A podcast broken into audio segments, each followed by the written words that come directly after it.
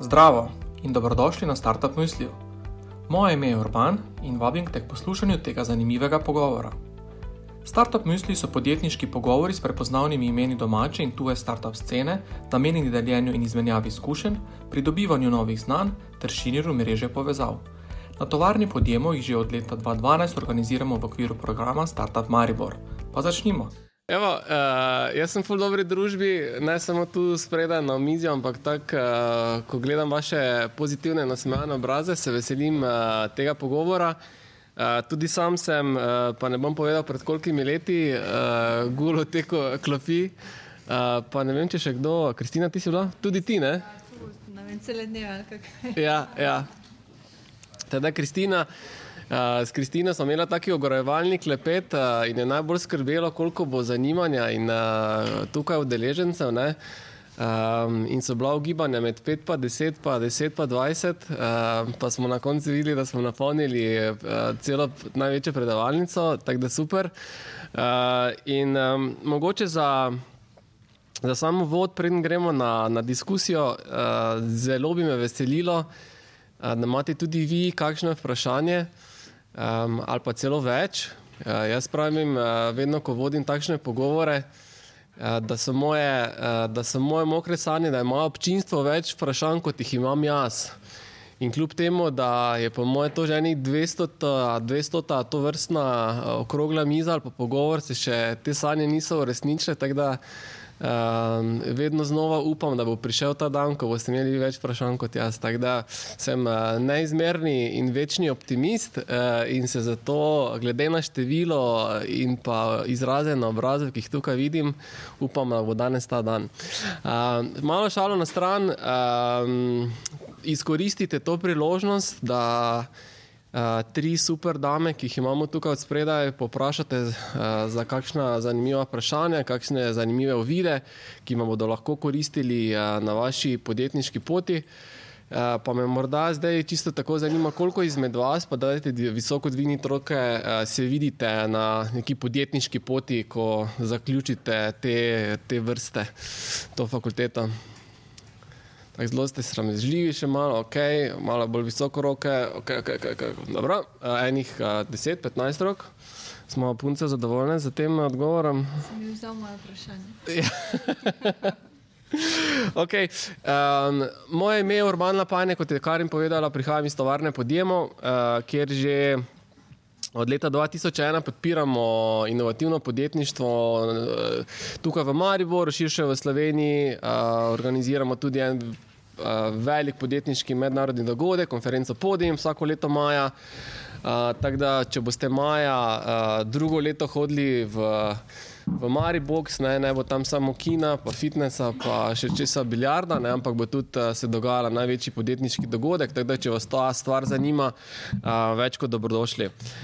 Današnji po, pogovor uh, ima tako uh, srednje definirano strukturo. Uh, skratka, Vsaka posameznica je tukaj zanimiva uh, po svoje. Um, skupna točka pa vsem pa je v bistvu super podjetniške zgodbe, ki jih, uh, ki jih pišejo in uh, nekako podjetništvo bo tista srčica uh, pogovora, o katerem bomo danes, ta, uh, katerem bomo danes govorili. Um, da, uh, evo, zdaj pa uh, na kratko, da sploh. Uh, Zvemo, kdo uh, je danes z nami, živana. Uh, živana žerjal, na plakatu piše Birch, na LinkedIn še ti piše She's Well.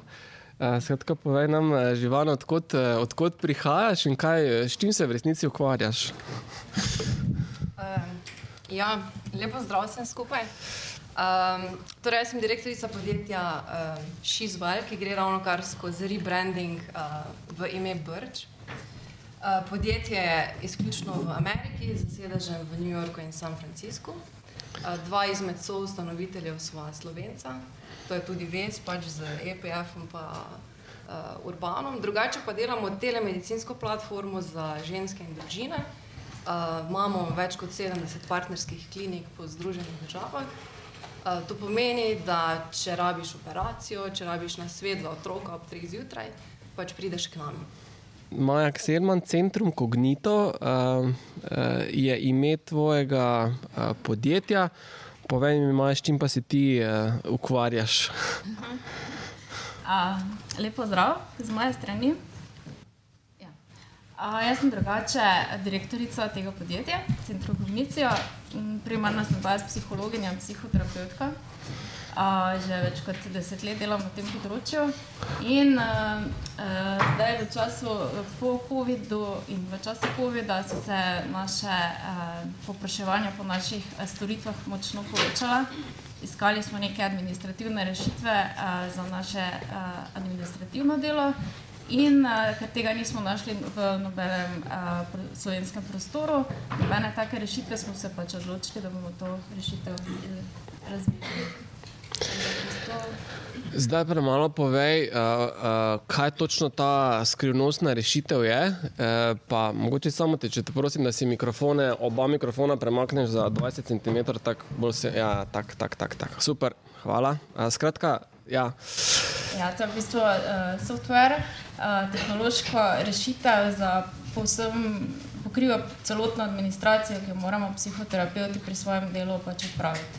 Tako da se zmanjšuje čas, zmanjšuje se strošek za to delo in pa predvsem energija, ki je res ne želimo uh, usmerjati v to delo. Super. Še uh, podobno vprašanje kot uh, za živano. V kakšni fazi je vaše podjetje? Ja, naše podjetje je pa staro dve leti, tako da v bistvu smo uh, pravkar razvili uh, produkt in gremo naprej. Zdaj, krat slovenski. E, držijo, držimo pesti, da, da bo se trg dobro odzval. Cool. Super, um, hvala, Maja. E, pa če gremo še um, k zadnji podjetniški dami za tem omizjem, uh, Kristina, uh, Tiko Pro. Um, torej, s čim se Tiko Pro ukvarja? Uh, pa podobno vprašanje, torej, kje, v kakšni fazi ste, ste vi? Hvala. Uh, evo, mi smo pa svetovalno podjetje za pridobivanje nepovratnih sredstev, pomagamo ostalim podjetjem, večjim, manjšim, eh, pri hitrejšem razvoju podjetništva. To pomeni na področju investicij ali pa raziskav pa razvoja. Uh, jaz pa sem tista podjetnica iz študentskih let, no? to pomeni, da um, sem tukaj zaključila diplomo, potem sem se vpisala v podiplomski študij, pa sem razmišljala, kaj bi jaz kaj delala in sem odprla podjetje. Uh, jaz sem odprla v bistvu podjetje že v fazi v bistvu št, uh, mojih študentskih dni uh, tu na EPF-u. Uh, podjetje pa je zdaj v neki scale-up fazi, to pomeni, da rastemo nekje z, v lanskem letu za 100%, v letošnjem letu recimo za nekje 30%. No? Uh, in smo v tisti hitri fazi rasti podjetja, ki imaš vsak teden nove izzive, uh, full velik uh, nekih sprememb, ki se ti dogajajo v samem podjetništvu. Um, tako da, ja, mogoče to, da jaz sem v bistvu kot ustanoviteljica podjetja, imam tudi direktorico v podjetju že skoraj od samega začetka, tako da lahko tudi ta vidik mogoče malo pogledamo. Uh, pa dejte isto, tako Urban rekel, ja, dejte čim več vprašati. No. Uh, hvala, Kristina. E, kaj, kaj je bilo narobe uh, v bistvu z žuranjem in brezkrbnim študentskim življenjem? Zakaj si se odločila za podjetništvo? Pa vse to smo tudi, še bolj preprosto študija. Je pa res, da jaz pač prihajam iz podjetniške družine, tudi moj, moj oče je v bistvu podjetnik. No? Uh, in uh, bom rekla, da mogoče sem zrasla v tem in me ni bilo strah iti v to, ko je nekdo rekel, da je kar odpri podjetje, pa rečem, da se ga moj ata tudi imate, bom pa jaz tudi. Uh, Čist bom rekla, mogoče iz tistega naivnega, sej ne vem, če mi doma normalno živimo, pa bom jaz tudi recimo to probala. Uh, bi pa mogoče to rekla, mojega očeta ful skrbelo, da bom jaz pač podjetnica. On mi še pet let govoril, zakaj to delam, da imam ful uredo izobrazbo, da bi bilo ful uredo, če bi mogoče kaj drugega delala v življenju. Ali. Vse me podpiral, ampak da bi pa jaz bila podjetnica, je pa še vedno bilo tako, mogoče pa ne bi. Uh, zdaj, v bistvu, po vseh teh letih, pa, uh, pa reče, ok, pač jaz njega zdaj tako že prerasla, uh, pa on uh, že tako, pa, pa me še pač še bolj tudi prija na kakšne dogodke, pa vam tudi s tem recimo podprem. Zdaj, uh, po moje, zdaj v njemu taka ena notranja borba, ne, po eni strani uh, poka od ponosa, ne, ker si ga v bistvu prerasla, po drugi strani uh, Pa tudi malo moški ego trpi, ne, da si ga prerasla. Ne, ne to prijatelj. to pa, kaj pa vem, po mojem, ne. No. Ampak imamo res ful take odkrite pogovore. No. Mi še vedno v dalj časih kaj pomaga. Uh, pa mogoče vsaj ta, recimo, na kak način sem jaz kot podjetnica zrasla. Meni je najbolj pomagal ta komunity drugih podjetnikov, uh, da se lahko v bistvu z drugimi pogovarjaš. Meni je ful všeč, v bistvu, da danes taka mešana družba, to pomeni ženske, moški. Ali, Uh, ker ko prihajam na različne dogodke, uh, iskreno je recimo vem, 10% žensk, uh, 90% moških še vedno. Ali. In mogoče, če bi mi par let nekdo rekel spodbujanje ženskega podjetništva, bi rekla le brez veze, zaradi tega, ker ne vem, podjetnost pač ne more biti ženski, moški, to pač smo, smo podjetniki ali pa nismo. Ali. Ampak se mi zdi, da zdaj pa uh, ženske mogoče rabimo malo več spodbude, kot pa v bistvu moški, uh, da stopimo v bistvu na to pot podjetništva. Cool. Odprla se je eno zanimivo vprašanje, um, pa bi mogoče kar vse tri poprašal, uh, ti si že odgovorila. Še k tebi, uh, skratka, ta, uh, ta, ta osnovna, uh, osnovni zagon, uh, v, ki te je potisnil ali potegnil v, v podjetništvo, je bil kaj, tudi ti, če prav razumem, si se zaljubila v problem. Ja. V bistvu res je. Ja. Problem je tisti, ki, ki pač žena mene in celo ekipo, pač ker jaz ekipo ženem. Um, pač vidim, da tukaj um, področje mentalnega zdravja je vedno bolj problem, ne samo Slovenije, ampak celotnega sveta in vedno uh, več, po, vedno več uh, potrebe po naših storitvah. Uh, vedno večje potrebe po naših storitvah bodo, kar pomeni, da nas je tudi premalo in mi ne moremo delati še administrativnega dela zraven. Uh mhm. -huh. Zato je v bistvu to, da rešujem svoj problem, hkrati pa tudi problem s, uh, uh, mojih kolegov. In ti si v bistvu, ko smo, ko smo pripravljali, pa delali, razvijali ali pa uh, sodelovali pri tvojih pičih, pa pri predstavitvah, ti si prišla do številk, koliko časa en uh, terapeut porabi za samo terapijo in koliko časa za samo to administrativno delo, ki nujno pride zraven. Uh, mogoče nam lahko malo te številke poveš, da bomo zelo razumeli, kako velik je ta problem. Ja, za 45 minut uh, terapevtske ure je minimalno 15 minut še administrativnega dela, ampak nekatere uh, vaje pač psihoterapije zahtevajo tudi prepis transkripcij, torej uh, zvočnih posnetkov v tekst in to potem traja lahko ure in ure. Uh. -huh. Tudi to je ena izmed rešitev v našem uh, produktu. Prepis, uh. Super. Uh, kaj, pa, kaj pa ta tvoja ekipa, uh, podobno kot živana, ne, uh, sama, ne, kot si rekla, ne, si, si psihologinja, nisi programerka. Kaj, kdo pa ti je dal uh, to, to uh, nekako samozavest ali pa ti razkril možnost, da pa to je možno rešiti s tehnologijo, uh, ker načeloma Tina kot. Uh, terapeutsko, teh kak, uh, kakih kret. Terapeutova inteligentna asistentka. Terapeutova inteligentna asistentka je okrašava za rešitev Tina. Um, je na nek način v bistvu pameten program, ki ti, poleg tega, da ti raže to administracijo, ti tudi ta nekako transkript spremeni, oziroma govor spremeni v tekst, pa potem ne, imate še zanimive načrte. Zdaj, je ta, si takoj našla, si že imela od začetka ekipo ali se ta ekipa nekako potem sestavlja, si jih našla, kako kak si ta del naredila? Ja, ta ekipa se je kar sestavljala in se še malo spremenja, drugače pa ta tehnološki uh, vidik sem jaz malo preverila z profesorji na fakulteti za elektrotehniko v Ljubljani, ker pač malo sodelujemo tudi na drugih stvareh in uh, smo našli skupne rešitve. Cool. Um, pa, še, pa še, Kristina, tvoj, tvoj problem, uh, ki si ga reševala takrat, skratka, z pomočjo podjetjem pridobivati uh, v bistvu vire iz uh, evropskih sredstev. Um, zakaj, zakaj te ta problem tako privlačil ali pa pritegnil izmed vseh ostalih, ki so na tem svetu? Zgleda, drugih problemov jaz nisem imela, malo heca. Uh, ne, jaz sem v bistvu bila zaposlena v Termah v Mariboru, uh, ravno za nameni uh, priprave projektne dokumentacije za nepovratna sredstva.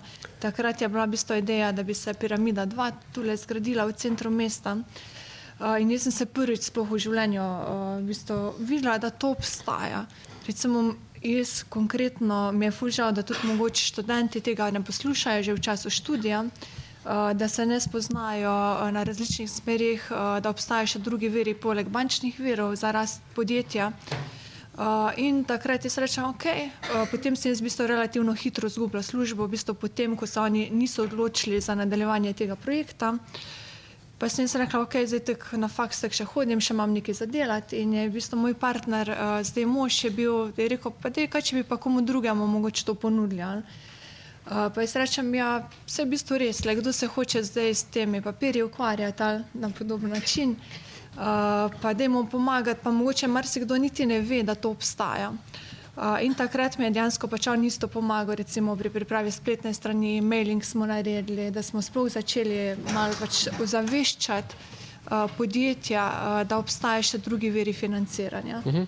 Uh, je pa res, da mi smo, jaz sem bila takrat pač v bistvu na začetku, to pomeni, ko je Slovenija bila polnopravna članica Evropske unije, ko so se ta sredstva začela v bistvu stekati v samo državo. Uh, smo, mislim, da so bile dve, tri podjetja, ko so se sploh s tem ukvarjala, kar pomeni, da skoraj nimaš neke konkretne konkurence, mar se kdo niti ni vedel, to ni bilo recimo niti ne po nekih medijih, um, še ful posebej nekaj objavljeno. In je bilo relativno enostavno, uh, pač, pa jaz imam zgleda ta prodajni, uh, prodajni drive, kar pomeni, da znam prodati stvari. Uh, in smo relativno hitro v bistvu začeli dobivati prve stranke v Sloveniji. To je res, uh, dejansko priješ tja in reče, le izbirati kupo, mogoče malo plastično prikažem, na kak način to poteka, ali to pomeni izbirati kupo en stroj. Pa jaz rečem, v redu za ta stroj ti pa lahko Evropska unija da 50% nepovratnih sredstev. Zdaj, kdo bo rekel temu ne, le, moraš biti malo nora, da rečeš, tega ne vse. Ampak po drugi strani mi smo malo spremenili samo bistvo izobraževanja, to pomeni pač samo sam pristop na trgu. To pomeni, mi prvo izobražujemo naše stranke, ker denar tudi ne pade z neba. Uh, ampak je treba v bistvu to dodelati. To je v bistvu davkoplačevalski denar in Evropska unija si dejansko želi, da se dosega neki cilji zaradi tega. Uh, tako da mi še danes, v bistvu trine, po 13-14 letih, vedno vsakemu rečemo, le, če hočeš dobiti toliko pa toliko milijonov, nekaj moraš narediti za to, pa določene cilje moraš dosegati. Uh, da, v bistvu imamo ta, bom rekla, dvojno, po eni strani ti pripeljamo sredstva, po drugi strani pa tudi izobražujemo. No? Uh, da želimo, da so res projekti dobro speljani, da se cilji dosežejo in da se denar ne vrača. Gotovo imaš tudi uh, natančno vodiš uh, število uspešnih projektov, pa koliko sredstev si pripeljala oziroma omogočila uh, svojim uh, naročnikom, kakšna je ta številka? Uh, hej, za letos nimamo, ampak vem, mi recimo na, uh, na mesec počrpamo okrog 10 milijonov nepovratnih sredstev, malo v bistvu za občutek. V sami recimo, uh, zdaj, zaradi marketinga smo malo pripravljali samo v Sloveniji, v Sloveniji smo pač najbolj močni. Ali?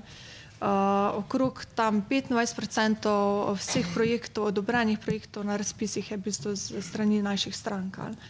Zdaj, uh, mi smo, pač, jaz sem ful tak, pač perfekcionist, jaz ful želim pomagati ljudem. Mal.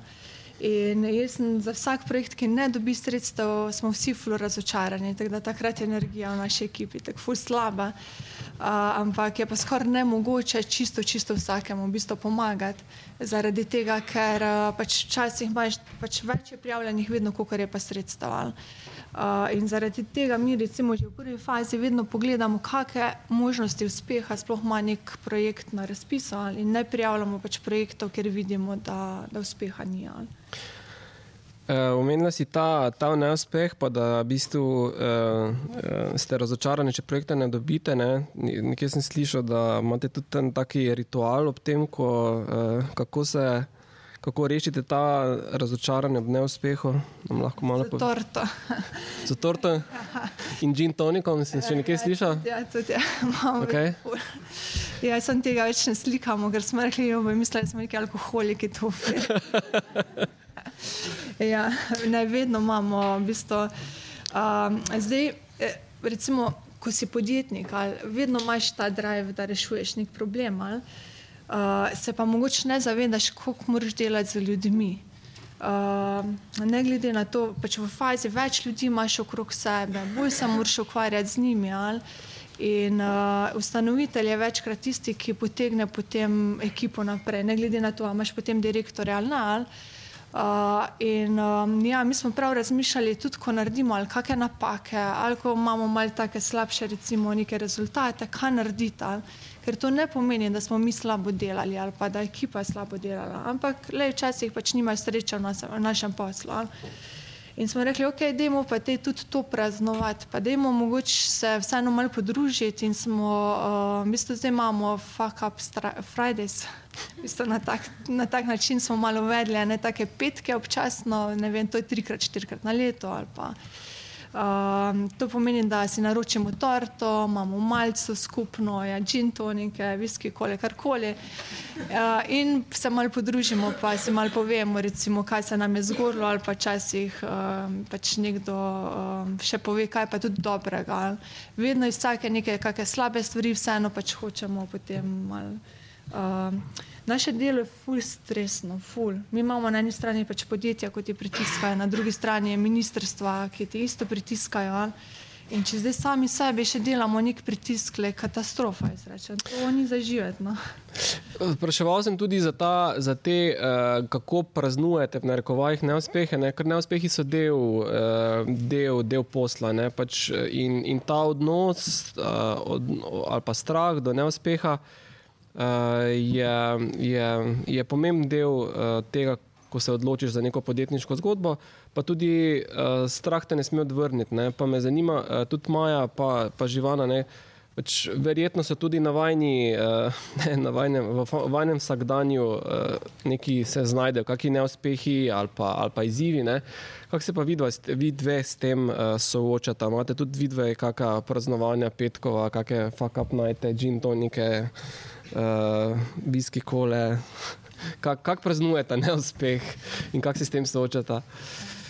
Tega še nismo uvedli, bomo pa razmislili malo. Uh, ampak ne vem, jaz niti ne vidim stvari. No, imamo en, en tako um, mindset, uh, da pač, neuspeh ni neuspeh. To je mogoče ena, ena pot, ki ni šla, pa gremo. Jaz smo vedno še plan B, C, D in tako dalje. Uh mhm. -huh. Tako da nekako ne doživljam kot neuspeh. Okay. Uh, recimo tu na tej podjetniški poti. Dobro. Doživljaš to kot lekcijo, to se ja. lepo. Ti si psihologinja, pa si, si našla svoj, uh, svoj konstrukt, kako to zapakirati. Uh, malo smo naredili takega ogrevanja, pa urce, že malo klepetamo, pa smo malo govorili o neuspehu, pa strahu, pa v bistvu zakaj v podjetništvu, pa družini. Imate kakšno vprašanje, uh, na, kakšno misel, kakšno komentar na tej točki? E, ja, ful dobro vprašanje. To tudi recimo jaz na ministrstvu večkrat rečem, ker takrat je to bilo možno. Ali? Zdaj pa to ni več možno. Takrat je to bilo možno, dobesedno, da sem jaz bila še vedno preko staršev zavarovana, štipendijo sem še vedno imela.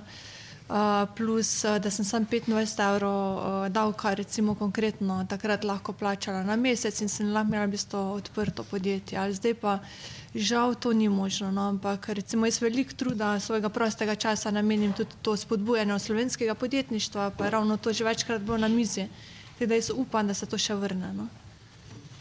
Super, fulobro, uh, hvala za vprašanje. Dajte ja, tudi tak, uh, zelo za taka praktična vprašanja izkoristiti. Uh, zdaj ne vem, z katerih smeri ste vsi tukaj, uh, kaj, kateri predmeti smeri, dajte malo povedati konkretno uh, gospodič, ki zastavlja vprašanje. Kad... Marketing, ok, super, marketing imamo, kaj še imamo? Podjetništvo, še kaj? Prvi letniki, ko ste vse, vi ste multipraktiki, cool. še kakšna, kakšna smer? Management, cool. Še kaj? Kaj še imamo na EPF-u? finance in bančništvo. Imamo kako je finance in bančništvo. A, kul, cool. evo, super. Ok, zdaj, ko govorimo, uh, malo smo začeli tudi s tem, uh, um, se dotaknili ne, virov financiranja, ne, živana malo o tem govorila, uh, uh, zakaj, so šli, uh, zakaj so šli v Ameriko, da na en izmed razlogov je bil tudi bilo financiranje. Um, dajte mi malo povedati, uh, katere vire financiranja, kje dobiti denar za podjetje? No? Kaj, kaj je zdaj vaša, vaše mnenje, ali pa kje vi menite, da bi deni, do, lahko dobiš denar za, za začetek podjetja? kakšne ideje. No, noben, noben odgovor ni nepravilen, vsaka ideja je dobrodošla, tako da dajmo zdaj zbirati denar za podjetje. Kje lahko dobimo denar za podjetje? Od staršev, ful dobro. Kjer od vas dobila denar od staršev? Ne, dobro.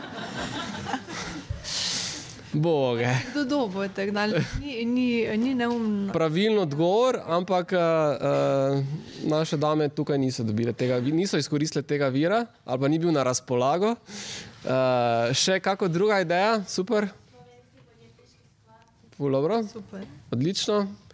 Slovenski podjetniški sklad ima ne, nepovratne vire, uh, ne, tako imenovane subvencije, tukaj sta in Živana in uh, uh, Maja uh, prejeli ne, to spodbudo, zagonsko spodbudo uh, za zagon inovativnega podjetja P2, ne, super.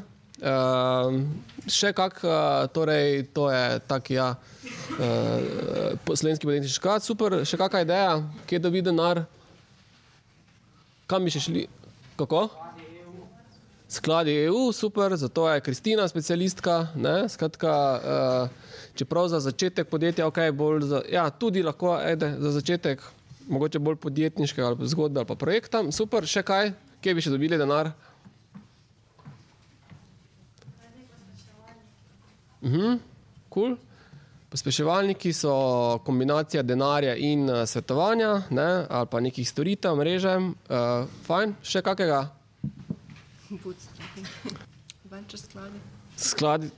Ja, tako, venture capital, Kickstarter. Kickstarter, noben ni omenil lota, ne, Eurojackpot. uh, vse po mojem smo kar pokrili uh, večino skladov, skratka, uh, oziroma večino virov financiranja. Skratka, denar na nek način se, se, se, se da zbrati, uh, tako ali drugače.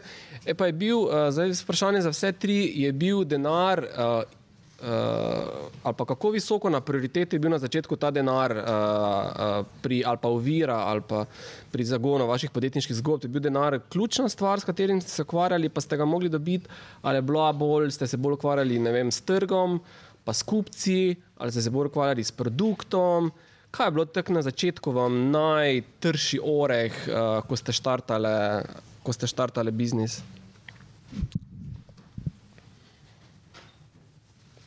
Ne vem, povej, kdo je začel. Um, meni je ta drive v bistvu, da to, kar sem že prej, prej rekla, ta prodaja, no, da v bistvu po eni strani pomagaš podjetju, uh, da dobiš kakšne ful dobre projekte, meni so še vedno projekti teh topal. Uh, tudi ekipa mi včasih reče, da sploh ne hodi več na prodajne sestanke, ker se ful hitro zakurim. Za kakšne res jim prav kar hitro obljubim, jo bomo zrihtali, pa pa mogoče sploh ne gre. ali. Uh, tako da bom rekla, jaz imam še vedno ta čist drive, ko sem začela, no še vedno je meni to ful. Um, ko vidiš, kaj lahko podjetje naredi, kako razmišljajo, kako se razvijajo. No.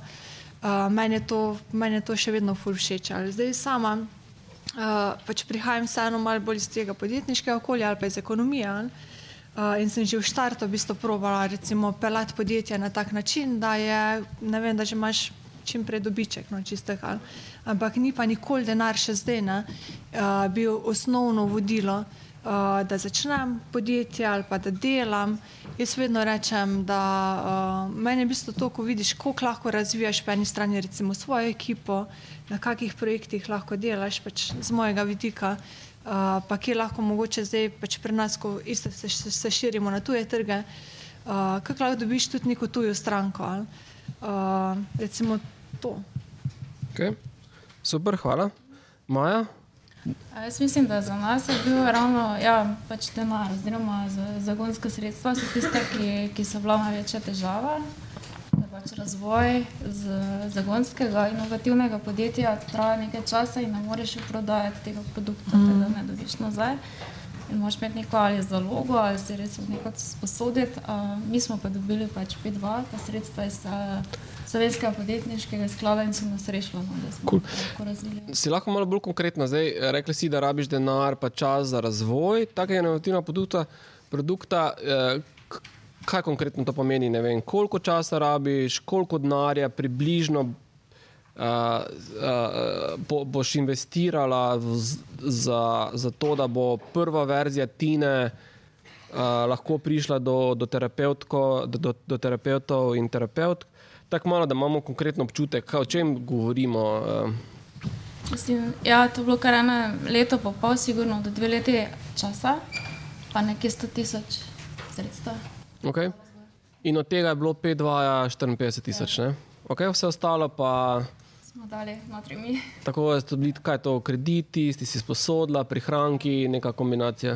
V bistvu, ja, uh, za svojimi uh, službami, ki jih še sporedno upravljamo, da je notri. Okay. To, kar je živo naprej razlagala. Bootstrapping. Ja. Jaz dam nagrado tistemu, ki zna slovensko besedo za bootstrapping. Uh, ker razvijaš nekaj novega. Ne? Vse ste, uh, v bistvu je, je bila podjetniška, oziroma ta biznis je bila praktično prva vaša karjerna pot, na nek način, pa prva stopnička. Ne? Nobena ni bila prej že.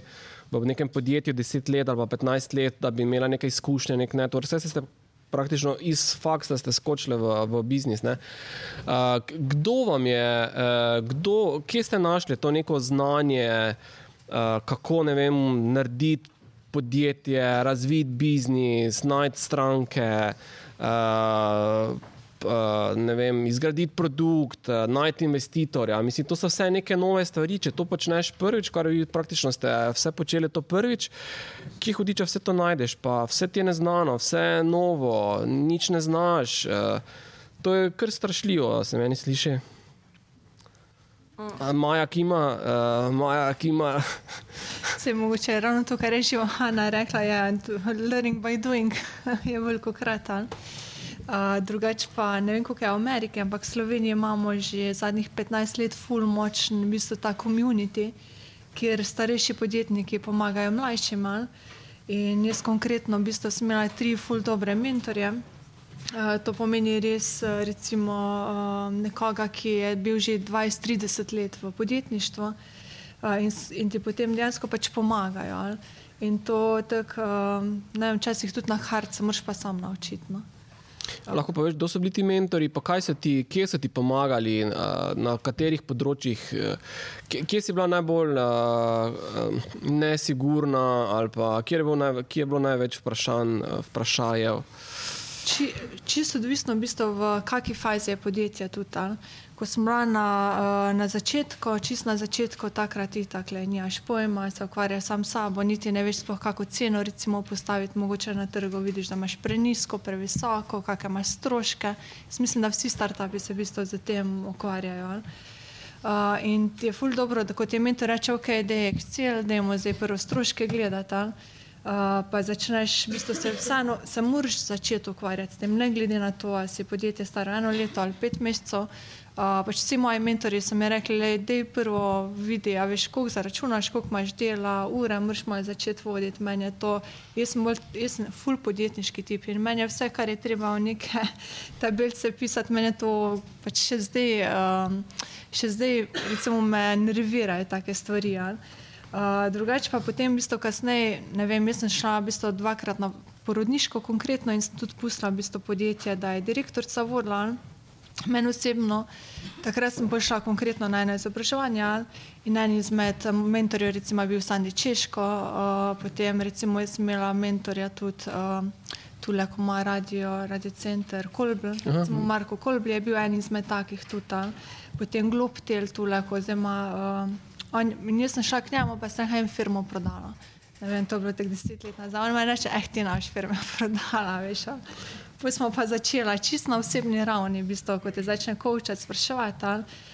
In take stvari, uh, nekdo, ki je res dal že konkretno, v bistvu pač skozi, ali ful pomagajo lahko podjetniku, ful. Uh, pa to je vse brezplačno. No.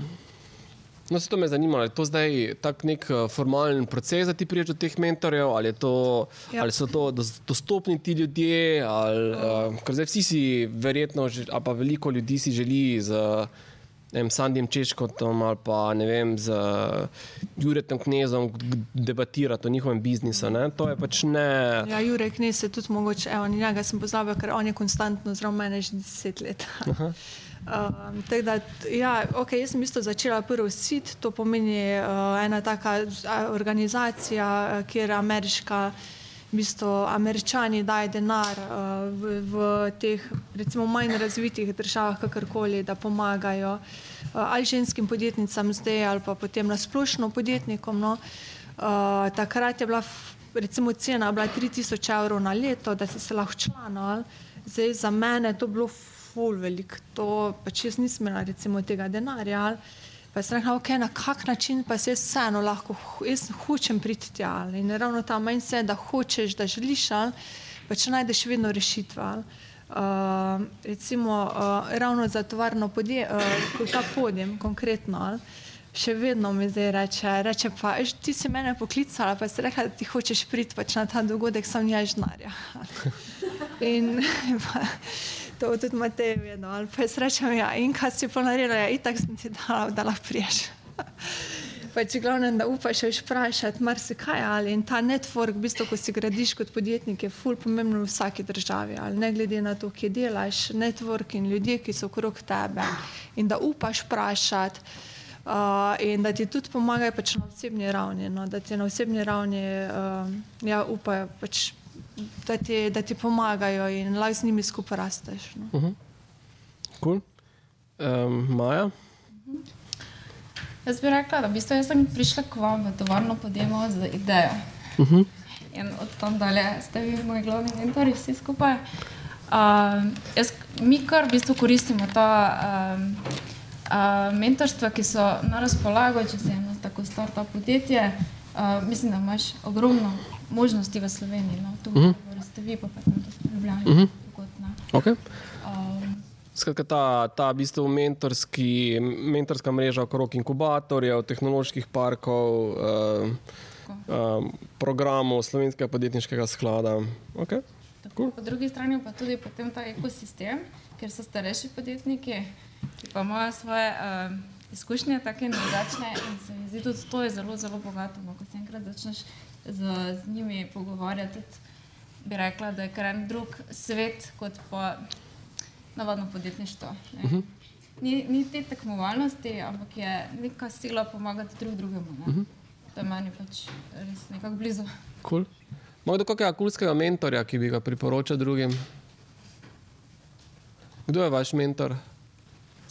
Zdaj, mogoče, kaj bi jaz tudi tukaj izpostavljala tudi med sabo se dejansko lahko recimo, pomagate. Ali, uh, recimo še posebej, ko so podjetja v neki začetni fazi, uh, pogovarjate se med sabo. Jaz to vsakemu rečem, zato ker sem več teh mentorskih programov, pa rečem, jaz pridem ali nekaj od predavanj se pogovorimo, ampak dajte se med sabo čim več pogovarjati. In ko se začne tudi ta komunity, v bistvu med njimi ustvarjati uh, neprecenljive izkušnje, no, res. Uh, Um, pa bodite ravno to, no, res, da daš v bistvu vse od sebe, pa da si odkrit, odprt. Le, veš, na koncu dobiš vedno take, tudi uh, zraven sebe, pa kot ti ful pomaga. Super. Ja. Ne, tu ste ravno, ne, rekli ste, da ste vem, marketing, pa podjetništvo, pa kaj smo še rekli. Management, ne? to so v bistvu vse med seboj uh, drugačna znanja, uh, kompetence, ki si lahko pomagate. Uh, Um, uh, kar, je zelo, kar je tudi na nek način neko mentorstvo. Ne.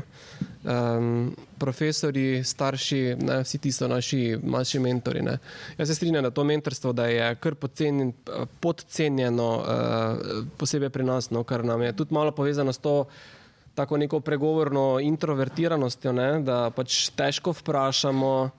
Uh, ne, tudi, uh, ne vem, če se mi bo danes uresničila moja želja. Ne, Uh, kar, kar, kar priča o tem, da je mogoče nam je malo nerodno vprašati, pa se, pa se bojimo, kako bomo zdaj spadli, če bomo neko butasto vprašanje postavili. Vse to, je, vse to se mi zdi, da so ključni elementi tega mentorstva, da se ti z nekom sproščeno pogovarjaš o, o svojih uh, izzivih, problemih uh, uh, in tako naprej. No. Tak, to je, um, se mi zdi, da če ena iz ena en taki nauk, ki bi ga danes uh, vsi, po mojem, si tu želeli, da ga odnesemo, da se več pogovarjamo, oziroma da si kakšne mentore poiščemo, uh, poiščete no, uh, na, vaši, na vaši poti. Ker, Pač, uh, ne vem, če ste že to spoznali, ne, da pač niste vi najbolj, uh, uh, najbolj pameten človek na tem svetu. Ne. Še mogoče drug, kdo drug tudi kaj ve. Uh, in to so ravno mentori. No. Um, tako da to je, to je super. Um, Ja, pogovarjali smo se, okay, marsikaj smo že obdelali. Uh, ena zanimiva izhodišče je bilo še, ne, um, uh, je bil še perfekcionizem. Uh, mislim, da si Kristina ti omenila perfekcionizem. Um, ta perfekcionizem imam vedno uh, v takih različnih kontekstih uh, vezano na podjetništvo. Po eni strani je super uh, in je perfekcionizem neka skoraj nujna um, vrednota ali pa lastnost uh, vseh uspešnih ljudi, ki jih uh, poznam ali pa, so, ali pa so zgradili uspešne podjetniške zgodbe. Pa če lahko začnemo od takih najbolj znanih svetovnih uh, ne, zgodb, od, od uh, vem, Steve Jobs je bil pa je bolan perfekcionist in je neumorno uh, uh, gnjav in maltretiral vse svoje zaposlene, in, in uh, da je pač v bistvu izdelal in pripeljal svoje produkte do perfekcije, pa, pa ni zdaj samo ne, uh, on taki. Ne. Ampak ta perfekcionizem je torej neka želja po perfektnosti, po izboljšavi, po popolnosti, narediti nekaj res vrhunsko, tudi živano v tvojem. Uh, Ne, eh, v tvojih besedah je slišati malo te neke želje po izboljšanju, po narediti nekaj dobro, koristno, super. Ne. Eh, na drugi strani je pa tak perfekcionizem, pa lahko tako samo destruktivno ali pa destruktivno, v smislu, da te eh, veliko časa drži na enem mestu, ne, ne, ne pustite, da se premakneš naprej, da napreduješ. Kaj vi gledate na ta perfekcionizem? Maja? Ja. Si perfekcionistka, samo to najprej, roko gor. Ne. Sem Maja in sem perfekcionistka. Bom rekla tako, sem zdravljena perfekcionistka. Ampak uh, nikoli ni dobro v življenju uh, tarati neki perfekcionizem do neke, neke stopnje, ne, ker to je v bistvu že tudi malo bolezensko, če smo ne, pri pač tej moji stroki. Ampak uh, kontrolirati, oziroma pač do neke mere uh, vedno ostane, ne, ker je to osebnostna lastnost, ampak da veš, dokot. Ne. V življenju so še druge stvari. Ej, pa pa, zdaj, če smo pri tvoji stroki psihologije, je perfekcionizem uh, povezan s kontrolo ali je to dvoje neposredno povezano ali je to pač eno z drugim posredno povezano? S kontrolo in z občutkom, da ne bo dovolj dobro, da ne delaš dovolj dobro. Ne? To je perfekcionizem. Okay, super, zdaj smo še imeli super eno lekcijo uh, psihologije za perfekcionizem. Uh, Um, um, Kristina, tvoja, si, sem Kristina in si ozdravljena perfekcionistka ali si? Nisem še ozdravljena, bom povedala, ker moji zaposleni, pač moja ekipa mi skozi reče denih. Ja, ko že vejo, kje smo, ampak je res, da recimo v določene stvari, ko se sploh ne spuščam, se res ne spuščam. Ker ko podjetje raste, to pomeni, ampak je pa res, da so tudi moje sodelavke, fulnagnjene temu. Uh, tako da jaz imam okrog sebe, v bistvu, mogoče recimo sebi podobna. Uh, mi smo večina ženski tim, imamo trenutno samo dva moška. Uh, te, uh, in recimo, ravno to, jaz sem v letošnjem letu prebrala knjigo uh, od Steve Jobsa uh, in sem se fulno našla in zdaj sem kar prenesla pisarno, strah ali on je tudi tak, tak da, če veš kaj dosegel s firme, naj mi težita. Uh, in zdaj čist, uh, recimo konkretno, uh, itak si vedno vsi želimo, da vse je perfekt, da vse je fajn, je pa ful težko. In uh, moraš spustiti v določenem trenutku stvari, pač, da sodelavci odpeljajo ne, v najboljši, v bistvu možni meri, kot pač lahko naredijo, pa se ne vtikati pač v to potem nazaj. Ali, ali pa jim govorite, da je to pa zdaj ni bilo v redu, ali pa lahko bi pa drugače. Uh, čeprav bom rekla, občasno, ko pa veš, da nekaj bi lahko bilo boljše, je pa prav. Jaz še vedno to menim, da je prav, da v določenih trenutkih, ko vidiš, uh, da ni ok, da rečeš, da to bomo pa naredili drugačno. Uh mhm. -huh. In takrat v bistvu stopiš, pa, pa ni to, a je to zdaj perfekcionizem mogoče, ampak da rečeš, da vem, da lahko zmoremo boljše narediti, moramo narediti boljše. Uh mhm. -huh. Mogoče to ni tak perfekcionizem v taki strokovni ja. definiciji. Ne? To je tistih ekstra 10%, ki te bo pol naredilo boljšega ja. med, od konkurenta. Točno to. Ja. Da, ja. Ne vem, ja. koliko je zdaj to perfekcionizem, ja. ampak je, pač, je pa sigurno kakšna motnja. lahko, recimo, ki pa je po mojem potrebno. Jaz mislim, da, ja. Ja, da na eni točki. Ja. Ja.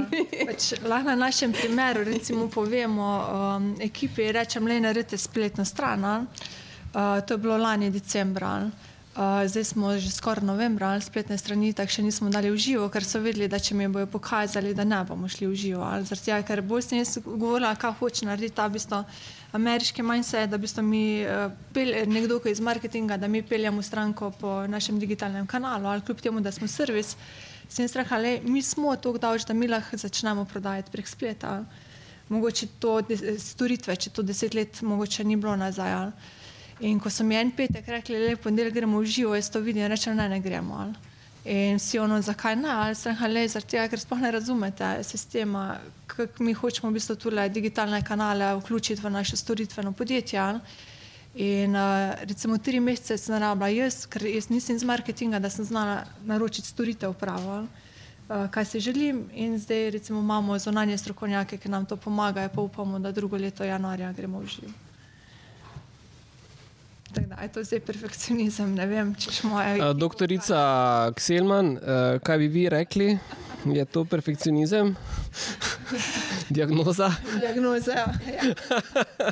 Križnja po dobrem razvoju. Le, politični odgovor. Um, zdaj na ta, uh, ti si tako dobro, dobro dodala živana, ne? Skratka, tistih 10% več, Meni se vedno znova fascinira. V bistvu, um, začneš, začneš na začetku, začneš brez znanja, pa vseeno v bistvu si pa od dneva ena, uh, ko pač stopiš na trg, si pa ob boku uh, vseh ostalih konkurentov, ki, so, ki imajo veliko več denarja, veliko več izkušenj. Um, so na trgu že z nekimi uveljavljenimi blagovnimi znamkami, uh, kje, kje, kje najdete neko to vašo prednost, to vašo uh, razlikovalno lastnost, ki vam vseeno da v bistvu neko, pač neko prednost na trgu, da, da, da, da se kosate za vso to neko konkurenco, ki jo kamorkoli pogledate, že obstaja? Ja, jaz bi, ja. Zaradi pa v okviru Slovenskega kluba podjetnikov spodbujamo, v bistvu, da podjetnik si pa more privoščiti. Uh, zdaj, mogoče bom začela malo tudi iz drugega, pa da nič s tem neč narobe. Uh, jaz sem letos, recimo, vem, uh, da pa priješ do tja, ja, je odrekanje, ne zdaj narobe razumeti, uh, da tudi. Tudi, mi, recimo, tudi jaz sem verjetno vem, imela fulinsko plačo na začetku, tudi vsi ostali, ki so bili okrog mene, ker nimaš denarja, konc koncev. Ampak takrat, ko ti uspe, je pa še vedno v Sloveniji ful tisto, joj, nekomu je pa zdaj uspelo, zdaj ima pa tako, je pa kapol, če imaš. To je moje mnenje in se moramo tega zavedati. No, tega, ker podjetnik je ful velik stvari dal skozi in se upojiti dati to. Jaz vsakemu rečem, le bodi podjetnik, odpri podjetje pa začni delati. Vsakemu, vsak lahko isto naredi. Uh, in uh, ta mindset na splošno in v medijih in v sami politiki pri nas je žal še vedno, da podjetnik si nekaj ne sme privoščiti. Le pa si lahko. Recimo to bi vseeno rekla, zato ker v Ameriki je to vseeno drugače. Uh, v Sloveniji pa žal ne, pa imajo jahte, pa imajo, ne vem, um, pač tudi naš uh, ministr za gospodarstvo meni, da podjetnik ne bi smel imeti jahte. Uh, pa leči jo imajo, pač naj ima. Uh, zato pač podjetniki na koncu uh, si zaslužijo v bistvu tisto več, kot pa mogoče nekdo drug. No. Čist, uh, mogoče ta. Da se lahko že pri mladih spremenjati. Super. Ne, ne pri, sam pri starejših, pa upam, da ni bilo kaj narobe s tem. No. Itak, da ne. Uh, zakaj? Uh, kaj, kaj, s čim si pa ti tako privoščiš, uh, kako si ti tako malo nagradiš, uh, kaj je to, ali pa mogoče če ne želiš čisto osebno eh, v tem klubu, kaj so neke stvari, s katerimi veš, si privoščijo, si poplačajo, čisto tako eh, neke svoje, neki nadpoprečni trud, rekla si jahta. Iskreno si večina ne privošči skoraj nič. Ali tak, če recimo. Ne vem, nam je dovolj, da se lahko spravi, če tam recimo peljemo v eno državo, pa pridemo lahko takoj nazaj ampak z letalom gremo, recimo s privatnim letalom gremo zato, ker je čas ful pomemben in si želijo biti takoj nazaj v podjetju, da lahko spet delajo. Uh mhm. -huh. Da še vedno imamo v bistvu, a veš ta, tudi starejši podjetniki, marsikdo si ful ne privošči, pač ne privošči nič, to pomeni, vzemi si en teden fraj nekje, že to je težko včasih vzeti. Uh, ja, imajo jahte, ampak imajo na jahtah svoje pisarne in delajo tam 16 ur na dan. Uh, ko mi je kolega poslal v bistvu svojo sliko svoje nove jahte, recimo konkretno, ali on mi ni sliko jahto, on mi je sliko svojo pisarno na jahti, kako ima on top to narediti in da lahko dosegljiv še za 24 ur na dan, da se nekaj pa tisti nor. V bistvu ta mindset, v bistvu res največji podjetniki niso tisti, ki bojo ful zapravljali, oni tudi veliko dajo ta community, ali? Uh, ampak, uh, ja, mogoče pa včasih, ali pa en zanč, recimo pečečnik, zanč reče, ko smo veliko skupaj, on reče, jo za štiri dni grem na krvavc, to je to, to je meni top. A veš, ne rabijo on ful nek velik stvari, ali, ampak uh, mediji pa to ful naredijo, da je to uh, ne vem kaj. Ali. Recimo, ok, jaz sem bila letos štiri mesece na morju, to je meni top, pač meni osebno. Ali. Ampak tudi eh, ti, verjetno, če bi poslala sliko, ne, eh, bi, bi dala, bila na tej sliki tvoja pisarna. Ne, uh, da, Nisem dala slike pisarne. Enako, enako bi verjetno lahko sebe komentirala, ne, kot ja. se o njemu kolego. Ne. Ja, pač, ja, pač jaz sem ja, res, v bistvu, lahko si letos omogočila recimo štiri mesece na morju, ampak zraven mene je tako vedno telefon. Uh, računalnik ali uh, ne vem, karkoli je, vedno si ti tisti, ki pač moraš skočiti, pa potem urediti stvari. No? Uh, in nas je dejansko dosegljiv, ja, skozi 365 dni na leto. No. Um, Maja, Ma, Maja pa živela, kaj, kaj pa, s čim se pa vidi, nadgradita, nagradita? Jaz bi še naprej šel. Ja, daj, daj, daj, daj. Ker se mi zdi zelo pomembno, mogoče jaz ne bi to perfekcionizma no, uh, izpostavila kot eno prednost, pa neko lasnost, ki jo mogoče uspešni podjetniki imajo, imamo, ne, še nisem. Ampak uh, strajnost pa zaupanje vase. Jaz mislim, da je to, to, da je to tisto, kar rabiš, kaj te žene, pa uh, ne glede na to, kakšne prepreke imaš pač okoli uh mhm. -huh. z življenjem. To, to je vaša super moč, torej ti po tvojem mnenju strajnost, zaupanje vase. Zaupanje vase v, svoje, v svojo pot, v svoj produkt, v svojo ekipo, ja. to, da delaš prav. Okay. Dobro, super. Ja, ravno, recimo, če lahko rečemo, pečečnik, on je imel zančen intervju, pa ker se tako osebno poznamo, on je lani prodal podjetje. Do lani je vsako jutro bruho, pač, zaradi, ker je rekel, da to, so, to, to ni enostavno, recimo, take podjetja pač konkretno voditi. Uh, to lahko povem, ker je bilo pač javno tudi objavljeno, je tudi povedal. Glavno je to te stiska, ker nimaš ja, denarja za plače, pa ne veš, kaj še naredi, pa v zadnje mogoče še krediti ali pa investitorji, ki v bistvu za, od tebe isto zahtevajo. No? Ampak tudi, če ni kreditov, pa ja, investitorjev, ja, pa vsega vedno, skupaj, jaz mislim, da nikoli. Uh... Ja. Ne spiš mirno. Ja. Zdaj, če se uh, premaknemo proti koncu, uh, tudi za vprašanjem, ne, simbolično. Ne, uh, Zdaj si dala super izhodišče, živana, uh, uh, pa tudi, pa tudi Kristina. Ne? Ultimativni cilj tega vašega početja je prodaja, tako kot so prodali po Sloveniji Pečečnik, pa prodali so ne vem, um, Nate, pa Damien Beatstamp, pa Iza in samo in ostali outfit. Skratka, so, so, je ta prodaja nekaj, kar je vaš ultimativni cilj in je pač nekje tam na horizontu v prihodnosti. Uh, zasledujete ta cilj ali je kaj, kaj, kaj druga, uh, vaš, vaš, vaš, vaš cilj? Uh, mi smo zdaj v bistvu šli v sistem solastništva zaposlenih. No? Uh, to pomeni, da zaposleni kupujejo deleže v podjetju. Uh, to smo začeli lani, lani konc leta. No? Uh, to pomeni, čisto vsak zaposlen je v bistvu lahko solastnik podjetja in del v bistvu variabilne plače pač lahko pretvori v deleže in so potem tudi participirali pri dobičku. Uh, zdaj, kaj pa nek tisti končni cilj, zdaj zaenkrat še vedno ta, bistvo, da bi uh, probali spostaviti podjetje, ker bi uh, zaposleni bili lasniki. Ali, uh, nikoli pa ne veš, no, ne bi rekla, nikoli ne. Ampak prodaja ni nekaj, kar ti, čemu bi se, če, če, česa bi se branila ali pa neče, torej podjetja, nek tvoj exit, da bi bila na mestu 4 mesece, 12 mesecev na morju. Ne? Pač to ni nekaj, kar je to nekaj, če moraš ti stremiš, pa, pa, pa bi, bistvu, če bi bila prava priložnost, bi se za to odločila. Um, v tem trenutku res v bistvu še ne vem, no, ker sem v eni taki fazi in podjetja in jaz kot podjetnica, uh, da se še to malce sprašujem.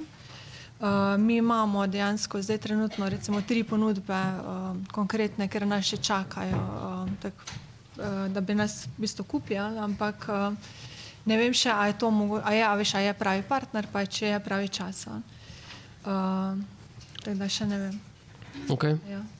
Bom še počakala malo. Ampak to, da so se tri ponudbe znašle na tvoji mizi, pač pomeni, da neka energija okrog uh, tvojega podjetja je, ne, uh, ki je nagnjena k tej smeri prodaje. Uh, dejansko ne, v bistvu se dela na našem trgu konsolidacija v Evropi, ali, čist konkretno, ali ni nič zdaj nekaj takega, da bi mi dali uh, neke take znake.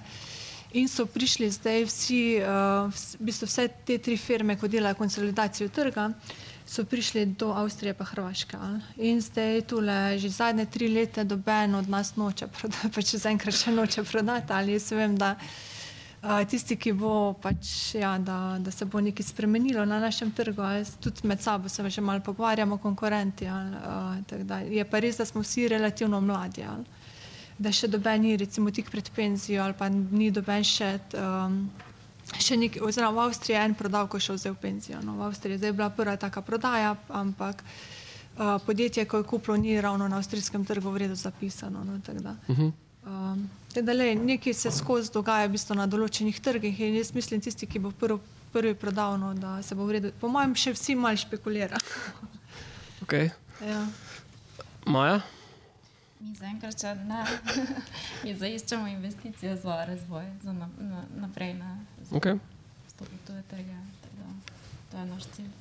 Dobro, ampak tudi uh, občasne sanje ne zajadrajo v tej smeri, da pač si enkrat želiš to zgodbo okay, uspešno zgraditi, narediti. Um, Narediti veliko ali pa pomembno, veliko terapeutom olajšati njihovo, njihovo delo, in potem to prodati, in uh, da se Maja ukvarja s čim drugim, še kot s tem biznisom. Ja, je tudi možnost, seveda, okay. v prihodnosti. Dobro, daljna prihodnost. Ma, bi še kdo dodal, Kristina, Maja? Ne?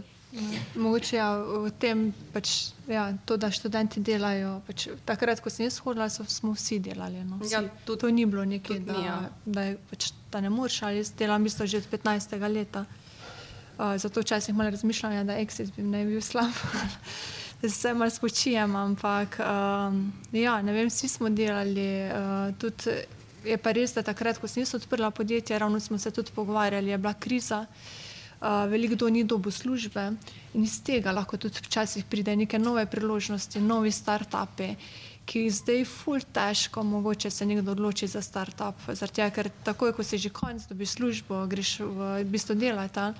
In neke globalne krize včasih pač potem najboljše start-upe iz tega uh, lahko nastanejo. No? Da mogoče tudi, ko se bo malo vse skupaj spremenilo. um, ja, še kako vprašanje? Eno zadnjo še vzamemo. Prvi, drugi, tretjič. Koliko izmed vas dela? Mi, bom, bom, če nimate vi vprašanj, bom jaz uh, vprašal. No, okay. Se ni tako slabo. Super, kul. Cool. Uh, koliko izmed vas tukaj uh, išče kakšne študente za prakso, uh, delo, uh, kakšne priložnosti ponujate vašem podjetju, če se kdo želi rast, iskati področje svojih strasti in kompetenc? Um, Maja? Mi tudi iščemo v bistvu za marketing na, na socialnih mrežah. No. Dobro, da tisti, ko ste dvignili marketing, ne, Maja Kselman. Eh, Kristina, uh, kaj pa ti iščeš? Ja, ne vem, še.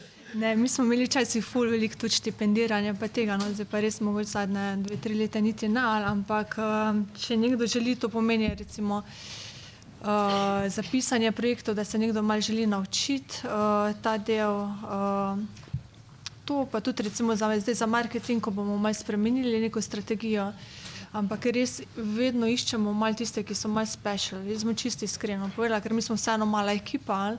Uh, delamo pa z velikimi podjetji, uh, tak nekdo, ki, ki si malo upa izven tistih svojih okvirjev. Isto vse plačano, tudi mentoriranje imamo. Uh, še posebej tukaj, zdaj recimo konkretno za marketing, uh, bi si želeli ful nekoga, uh, ki, uh, ki bi šel mal izven teh slovenskih okvirjev. No? Mogoče je ravno to. No. Mi smo zdaj, recimo, mi imamo en mednarodni projekt um, in res v bistvu smo trenutno edini kot konzorcije, um, kjer nam bo Evropska unija v bistvu omogočila nek, uh, kot nek good case, da probamo pokazati. In uh, ko smo rekli, ok, lej, na marketingu, tak mednarodni projekt, potovanj bo dovolj. Uh, v Sloveniji nismo našli primernega kadra. No? In smo recimo isto zaposlili potem za eno Hrvatico, ker smo res rekli, le, če nam Evropska unija zaupa, če, nam, če oni želijo, v bistvu, da se mi dokažemo, le, viš, da se moramo dokazati. Uh, potem so bila pa vprašanja, kam na letalo, ja, a sam. Ja. Ne, res, to vam povem, ko imam razgovore, si včasih mislim. Uh, tako da, da bodite kar mal bolj uh, ambiciozni. No? Kljub temu, da smo v Sloveniji doma. Ker si boste lahko enkrat jahto kupili. Ali pa greš cool. na Hrvac. Ej, um, hvala, um, hvala Živana, Maja, Kristina za ta super pogovor. Um, ne bom zaključil s tradicionalnim vprašanjem, z enim nasvetom, ker je bilo enih nasvetov uh, veliko čez cel pogovor. Tako da iskreno hvala za, za ta pogovor. En velik aplaus, uh, prosim za.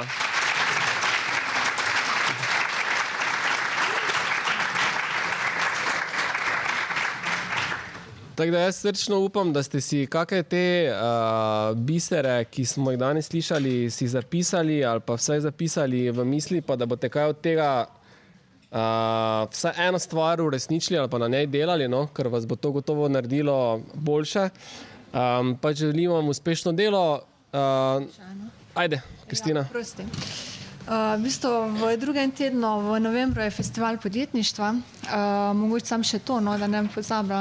Zdaj, v lanskem letu je bil ful dobro odziv v Mariboru, ne, nevrjetno boljši kot pa kjerkoli drugi. Uh, teta Frida bo imela uh, zvečer tak uh, podjetniški pogovor, uh, mislim, da prije Tanja Skaza pa par, par teh podjetnikov, tako da če pol tudi uh, profesori dovolijo, bi vabilo poslali, je brezplačno. Uh, mi imamo pa tudi dan odprtih vrat, ampak mislim, da je že dogovorjeno tudi uh, za ta del. No. Ampak dajte network delati, tu bo v Mariboru, stop podjetniki, pridajo podjetnice no. in imate res priložnost, da se podružite z njimi. Ja. Super, hvala, lep dan. Ti je bilo všeč? Da ne boš zamudil novih epizod, klikni subscribe. Veseli pa bomo tudi tvoje ocene, komentarje in delitve da za nas vedo še druge radovedne glave. Pobrskaj po naši bogati zbirki pogovorov, gotovo se v njej skriva še kaj zate. Se slišimo?